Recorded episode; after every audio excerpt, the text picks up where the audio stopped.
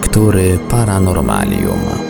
Dziś w lekturach Paranormalium sięgniemy do książki Tomasa Degina Księga Tajemnic 2, wydanej w 1992 roku. Jest to kontynuacja książki Księga Tajemnic i Rzeczy Niezwykłych, którą również prezentowaliśmy na naszej antenie. Ciekawie ujęty zbiór zagadkowych zdarzeń i rzeczy niezwykłych. Domy widma, studnia z nieznanego metalu, potwory z Akambaro, tajemnica ludzi w czerni, żywe dinozaury, nawiedzona plebania, niesamowite obiekty podwodne, elektryczny duch z Rosenheim oraz kilkadziesiąt innych niepokojących i tajemniczych faktów. Książkę na naszej antenie prezentujemy w odcinkach w całości. Ślady z najdalszej przeszłości. Dwóch Kanadyjczyków, W. Irving z Uniwersytetu w Toronto i C. Harrington z Towarzystwa Zrzeszającego Narodowe Muzea w Ottawie, dokonali na początku lat 70. niepozornego zdawałoby się odkrycia. Znaleźli piszczel karibu. Ale już pierwsze oględziny nie pozostawiały wątpliwości. Kość służyła człowiekowi jako narzędzie. Nosiła wyraźne ślady ostrzenia, prawdopodobnie kamieniem, i miała regularnie powycinane szczerby, co sugerowało, iż był to przyrząd do czyszczenia skór. Poszukiwania najwcześniejszych śladów działalności ludzkiej na terytorium Ameryki Północnej trwały nieprzerwanie od dziesiątków lat. Wszystko wskazywało, że padł kolejny rekord. Wraz z drapaczką znaleziono dwie skamieniałe kości mamuta. Naukowcy stwierdzili, że ktoś musiał je połamać, gdy były jeszcze świeże. Wiek wszystkich trzech znalezisk ustalono metodą radiowęglową. Wynik badania potwierdził wcześniejsze przypuszczenia. Znalezione kości miały 25 do 32 tysięcy lat. Wynika stąd wniosek, że już tak wiele lat temu ludzie zamieszkujący okolice rzeki Old Crow koło granicy z Alaską, gdzie dokonano odkrycia, posługiwali się narzędziami.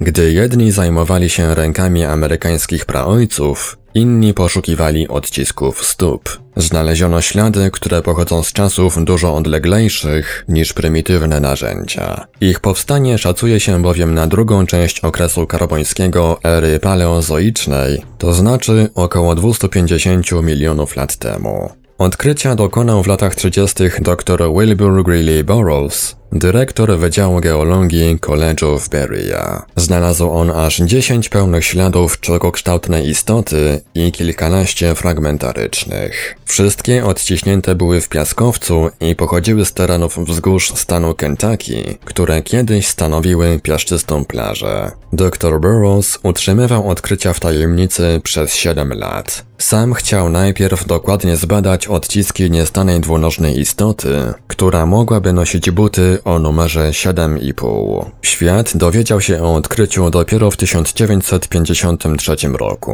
Jednak artykuł w Courier Journal był również powściągliwy. Trzy pary śladów ukazują odciski lewej i prawej stopy. Jedyna z par przedstawia ruch, przesunięcie lewej kończyny względem prawej. Odległość między piętami wynosi 45 cm. Na innym odcinku stopy ułożone są równolegle do siebie. Odległość między nimi jest taka sama jak u człowieka. Koniec cytatu. Dr Burroughs był bardzo ostrożny w określaniu istoty, do której należały stopy. Bał się i przestrzegał innych przed wyciąganiem pochopnych wniosków. Z dotychczasowych źródeł wynikało bowiem, że teren, na którym dokonano odkrycia, człowiek zamieszkiwał dopiero od około półtora miliona lat. Czy przyszedł czas na weryfikację dotychczasowej wiedzy antropologicznej? Wyglądają na ludzkie, odpowiadał dyplomatycznie przyparty do muru dr Burroughs. Ślady odcisków bezsprzecznie wskazywały na stworzenie dwunożne, stawiające stopy jak człowiek, poruszające się wyłącznie na kończynach tylnych. Wobec tylu zbieżności z ludzką istotą, osobnik sprzed 250 milionów lat otrzymał nazwę Phenanthropus mirabilis, podobny do człowieka. Karbon był okresem panowania olbrzymich płazogadów. Zastanawiano się więc, czy przypadkiem nie któryś z nich odcisnął łapki na piasku plaży. Dr Burroughs uważał, że jest to raczej niemożliwe, gdyż nie znaleziono żadnych śladów kończyn przednich, a niektóre bloki piaskowca mają wystarczająco dużą powierzchnię, aby i one się zmieściły. Brak odcisków podbrzusza i ogona świadczył dobitnie, że istota chodziła wyłącznie na tylnych kończynach. Wkrótce pojawiło się też pytanie, czy owe ślady nie są przypadkiem dziełem starożytnych lub może nawet współczesnych rzeźbiarzy. W tym celu wykonano szereg fotografii mikroskopowych oraz zdjęć przy użyciu promieni podczerwonych, które nie wykazały nawet najmniejszych śladów ingerencji jakichkolwiek narzędzi. Potwierdzenie, że ślady są autentyczne, przyniosło też inne, żmudne i godne kopciuszka badanie. Dr Burroughs przyjrzał się dokładniej niektórym z głębszych śladów. Na ich brzegach znajdowała się wypukła otoczka, taka jaka powstaje przy postawieniu stopy na miękkim gruncie. Oczywiście zdolny rzeźbiarz poradziłby sobie i z tym problemem. Naukowcy znów sięgnęli po mikroskopy. Aby wykluczyć możliwość pomyłki, pracowali w dwóch grupach. Ich zadanie było bardzo podobne do pracy dzisiejszych laborantów, którzy liczą czerwone i białe ciałka krwi. W tym wypadku należało policzyć ziarenka piasku przypadające na określoną jednostkę powierzchni. Badanie polegało na oznaczeniu gęstości ułożenia ziarenek wewnątrz odcisku oraz na zewnątrz. Wyniki obu grup były identyczne. Dużo większe zagęszczenie występowało wewnątrz śladu. Teraz nie było już wątpliwości, że odciski powstały w czasie, gdy piasek był jeszcze miękki, a ziarenka zbiły się pod ciężarem Pneumantropus mirabilis. W czerwcu 1968 roku dokonano jeszcze bardziej niezwykłego odkrycia. William J. Meister z żoną i dwiema córkami oraz państwo Shape wybrali się do Antelope Springs w stanie Utah, gdzie zamierzali spędzić cztery dni. Pan Meister jest zapalonym zbieraczem skał i trylobitów, czyli prymitywnych kopalnych stawonogów morskich. Stworzenia te żyły w okresie Kambru w erze paleozoicznej, czyli około 600 milionów lat temu. Ich ciało miało budowę segmentowaną. Podzielone było na tarczę głowową, tułów i tarczę ogonową. Trylobity osłonięte były grubym, silnie zwapniałym pancerzem. Dzisiaj stanowią jedne z najstarszych skamielin znanych człowiekowi. Trzeciego dnia pobytu w Antelope Springs znaleziono w końcu kilka okazów. Pan majster rozbił około 5-centymetrowy blok skalny i to, co ujrzał, przerosło jego najśmielsze oczekiwania. Na jednej stronie skały widniał odcisk ludzkiej istoty, a w niej skamieniały trylobity. W innym miejscu znajdował się ślad stopy przyodzianej w sandał. Wewnątrz tego śladu również znajdowały się skamieniałe skorupiaki. Znalezienie kopalnych organizmów wraz z innymi odciskami ma zasadnicze znaczenie. Pozwala bowiem w miarę precyzyjnie określić czas ich powstania. Odcisk sandała pochodził z prawej nogi, a wielkością wręcz idealnie odpowiadał obuwiu człowieka. Jego długość wynosiła 26 cm, szerokość 9 cm. 7,5 cm w pięcie. Odcisk pięty był około 3 mm głębszy od reszty podeszwy. Jest to bardzo ważny szczegół, gdyż wskazuje on na charakterystyczny dla człowieka rozkład ciężaru ciała. Aby uzmysłowić sobie niezwykłość odkrycia, wystarczy spojrzeć na kilka okresów rozwoju historii Ziemi. Człowiek zaczął tworzyć pierwsze cywilizacje około 7000 lat temu. 25 do 40 tysięcy lat wcześniej był już dominującym gatunkiem na planecie. Zanim do tego doszło, następował długi i powolny rozwój, który rozpoczął się wraz z końcem panowania gadów a było to mniej więcej 70 milionów lat temu. Uważa się, że w tym czasie istota spokrewniona z Homo sapiens zaczęła prostować kręgosłup. Dinozaury były panami planety około 200 milionów lat temu. Znalezione odciski są jeszcze o ponad 300 milionów lat starsze. Czy to w ogóle możliwe, aby odziana w sandały dwunożna istota przechadzała się po ziemi, którą w owym czasie zamieszkiwały jedynie proste i stosunkowo prymitywne organizmy? Wkrótce okazało się, że podobnego odkrycia dokonano już wcześniej, także w okolicach Antelope Springs. Pan Dean Bitter, nauczyciel z Salt Lake City, znalazł dwa odciski sandałów. W tym wypadku nie zawierały one skamieniałych trylobitów, które można było jednak znaleźć w tym samym bloku skalnym. Wskazywało to również na kilkuset milionową historię śladów nieznanej istoty. Tak, nieznanej, gdyż nikt nie miał odwagi nazwać jej człowiekiem. Jest tu pewien problem, Mówił James Madsen, kustosz Muzeum Nauk o Ziemi przy Uniwersytecie Stanowym w Utah, ponieważ trylobity i człowieka dzieli setki milionów lat. 600 milionów lat temu nie było przecież ludzi. Daleko było do pojawienia się małp, od których podobno człowiek się wywodzi. Cóż więc mogło być owym stworzeniem stąpającym po naszej planecie przed powstaniem kręgowców? Wieloletnie zdobycze geologii i antropologii zostały poważnie zagrożone. Ponieważ nikt nie miał podstaw, aby przypuszczać, że dowody zostały sfałszowane, powstały inne teorie. Dr Jesse Jennings z Wydziału Antropologii Uniwersytetu w stanie Utah, szukając naturalnej przyczyny powstania odcisku znalezionego przez Meistera, wysnuł hipotezę, iż jest to ślad ogromnego trylobita osiadłego na trzech mniejszych. Meister postanowił szukać dalszych dowodów. 4 lipca 1968 roku wybrał się ponownie w okolice Antelope Springs. Tym razem w towarzystwie doktora Clarence'a Coombsa z Columbia Union College w stanie Maryland i geologa Mary'sego Carlisle'a z Uniwersytetu w Boulder w stanie Colorado. Geolog przez kilka godzin kopał w ziemi, aż znalazł pewien rodzaj łupka. Przekonało go to, że znalezienie w tamtejszych skałach wiekowych odcisków jest bardzo prawdopodobne, albowiem skały te stanowiły swego czasu powierzchnię lądu. Geologiczne potwierdzenie przynajmniej potencjalnych możliwości występowania w okolicach Antelope Springs bardzo starych odcisków sprowadziło w to miejsce kolejnego geologa, doktora Clifforda Burdicka z Arizony. Już pierwszego dnia miał ogromne szczęście znaleźć skałę łupkową z odciskiem gołej stopy dziecka z niewyraźnie zarysowanymi pięcioma palcami. Odcisk miał około 15 cm długości. Rozstawione palce wskazywały, że dziecko nie chodziło wcześniej w butach, które uformowałyby ściślejszy układ stopy. Podbicie prawie w ogóle nie było zaznaczone, stopa była płaska, a kciuk nieproporcjonalnie mały. Znalezisko zostało przedstawione dwóm profesorom geologii i jednemu paleontologowi. Geolodzy nie mieli najmniejszych wątpliwości, że mają do czynienia z odciskami przypominającymi wyglądem ludzką stopę. Paleontolog wyraził przekonanie, że taki kształt musiał powstać w sposób mechaniczny.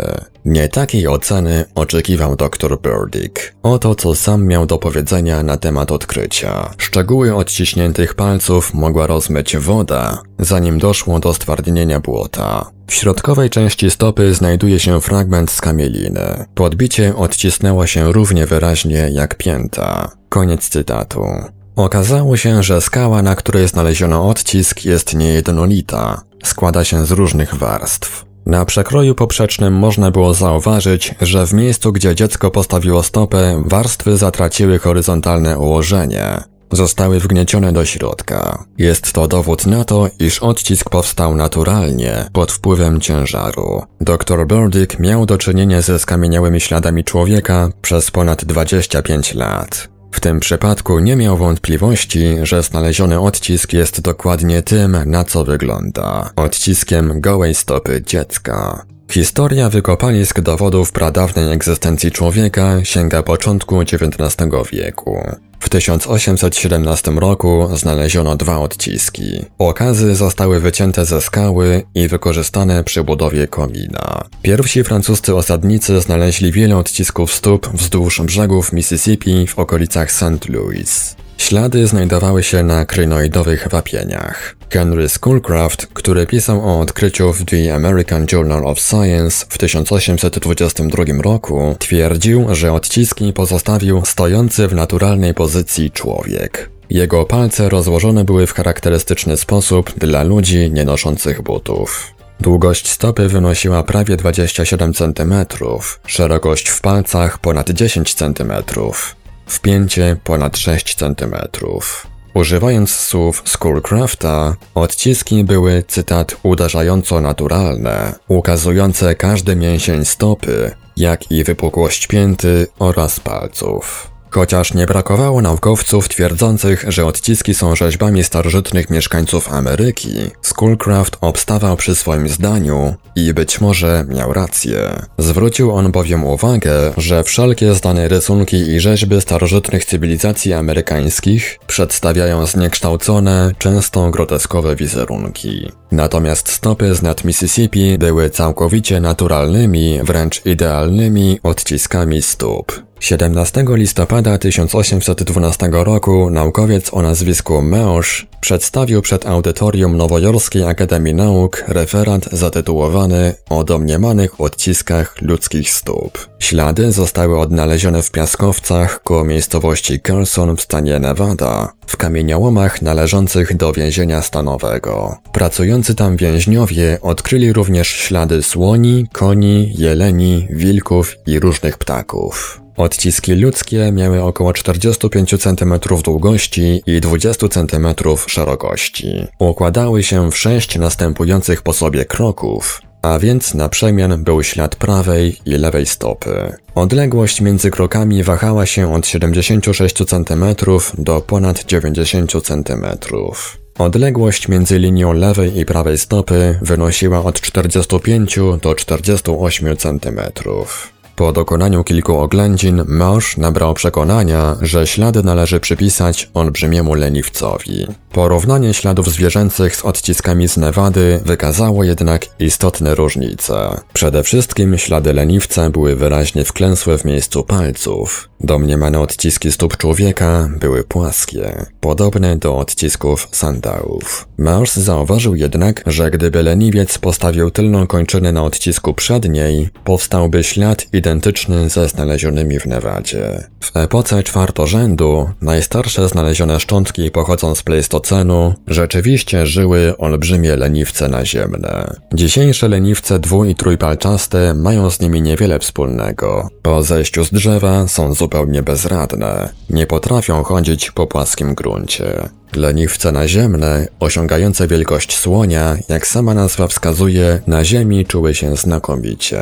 Nieżyjący już Ivan Sanderson zauważył jednak, że przy chodzeniu na tylnych nogach zwierzęta te pomagały sobie krótkim, acz silnym ogonem. Ślad pozostawiony przez taki ogon byłby nieregularnym rowkiem, którego brakowało w odciskach z Nevady. Wiele lat później prowadzono społeczne prace nad umacnianiem brzegów najszybciej płynącej rzeki Teksasu, Palaxy. Spychacze odsunęły około 30 metrów ziemi i odsłoniły ponad 20-centymetrowy wapienny występ skalny. Robotnicy usunęli jeszcze kilka centymetrów żwiru i ich oczom ukazało się pięć odcisków ludzkich stóp, krzyżujących się z 15 trójpalczastymi śladami dinozaura. Jedna z ludzkich stóp zachodziła na ślad nogi gada. Pozostałe nie były tak dobrze zachowane, ukazywały jedynie same palce. Ostatni ślad był prawdopodobnie samym podbiciem. Nieopodal znaleziono jeszcze jeden ślad dorosłego człowieka, krzyżujący się ze śladem młodszego osobnika, a na dodatek szedł tamtędy również i dinozaur, który najwyraźniej kierował się prosto nad rzekę,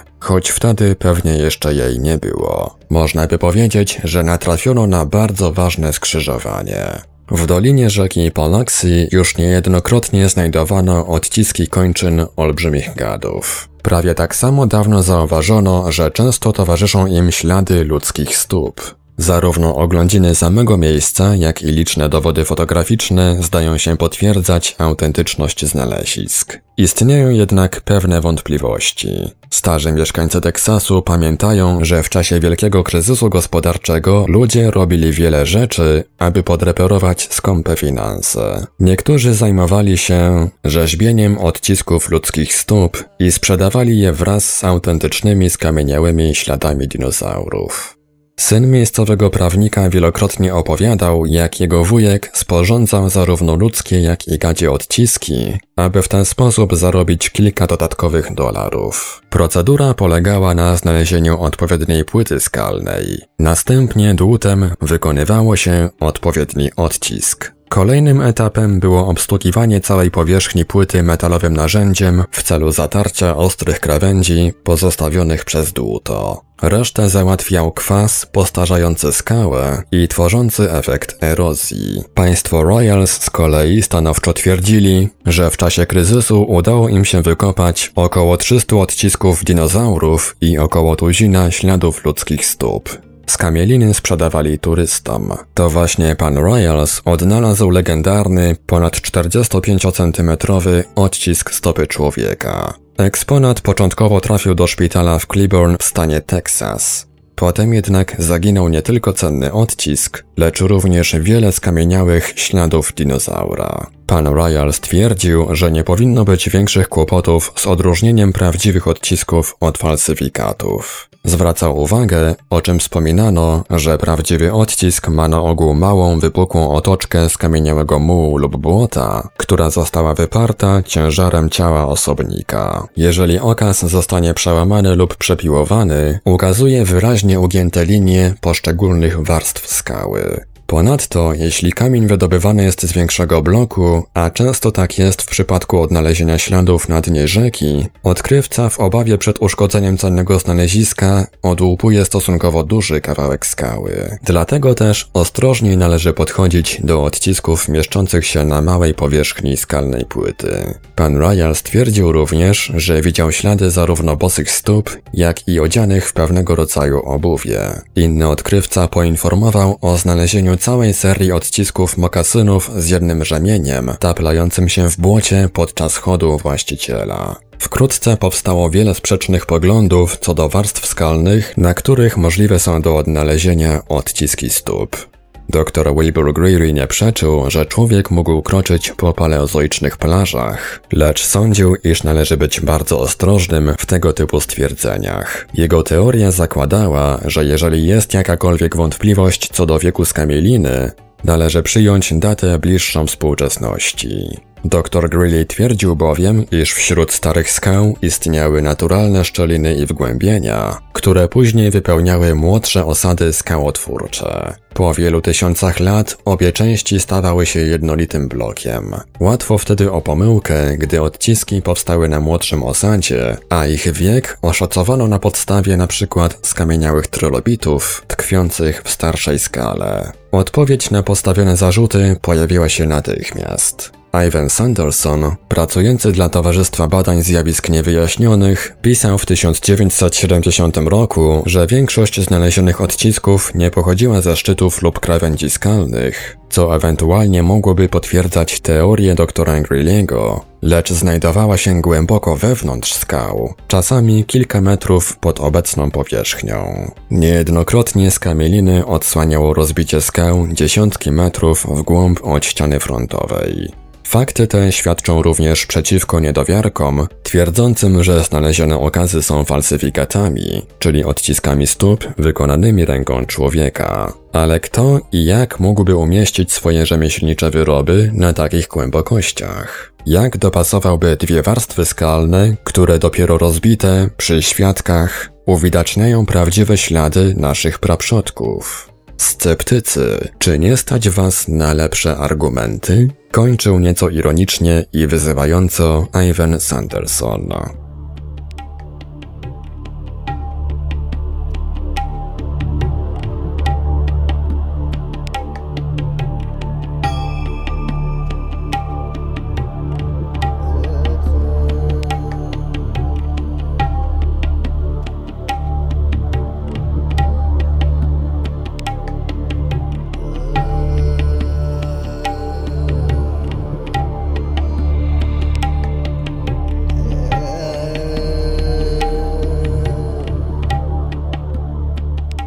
W Radiu Paranormalium zaprezentowaliśmy fragment książki Tomasa Degina Księga Tajemnic 2. Dalszy ciąg w kolejnym odcinku Lektur Paranormalium.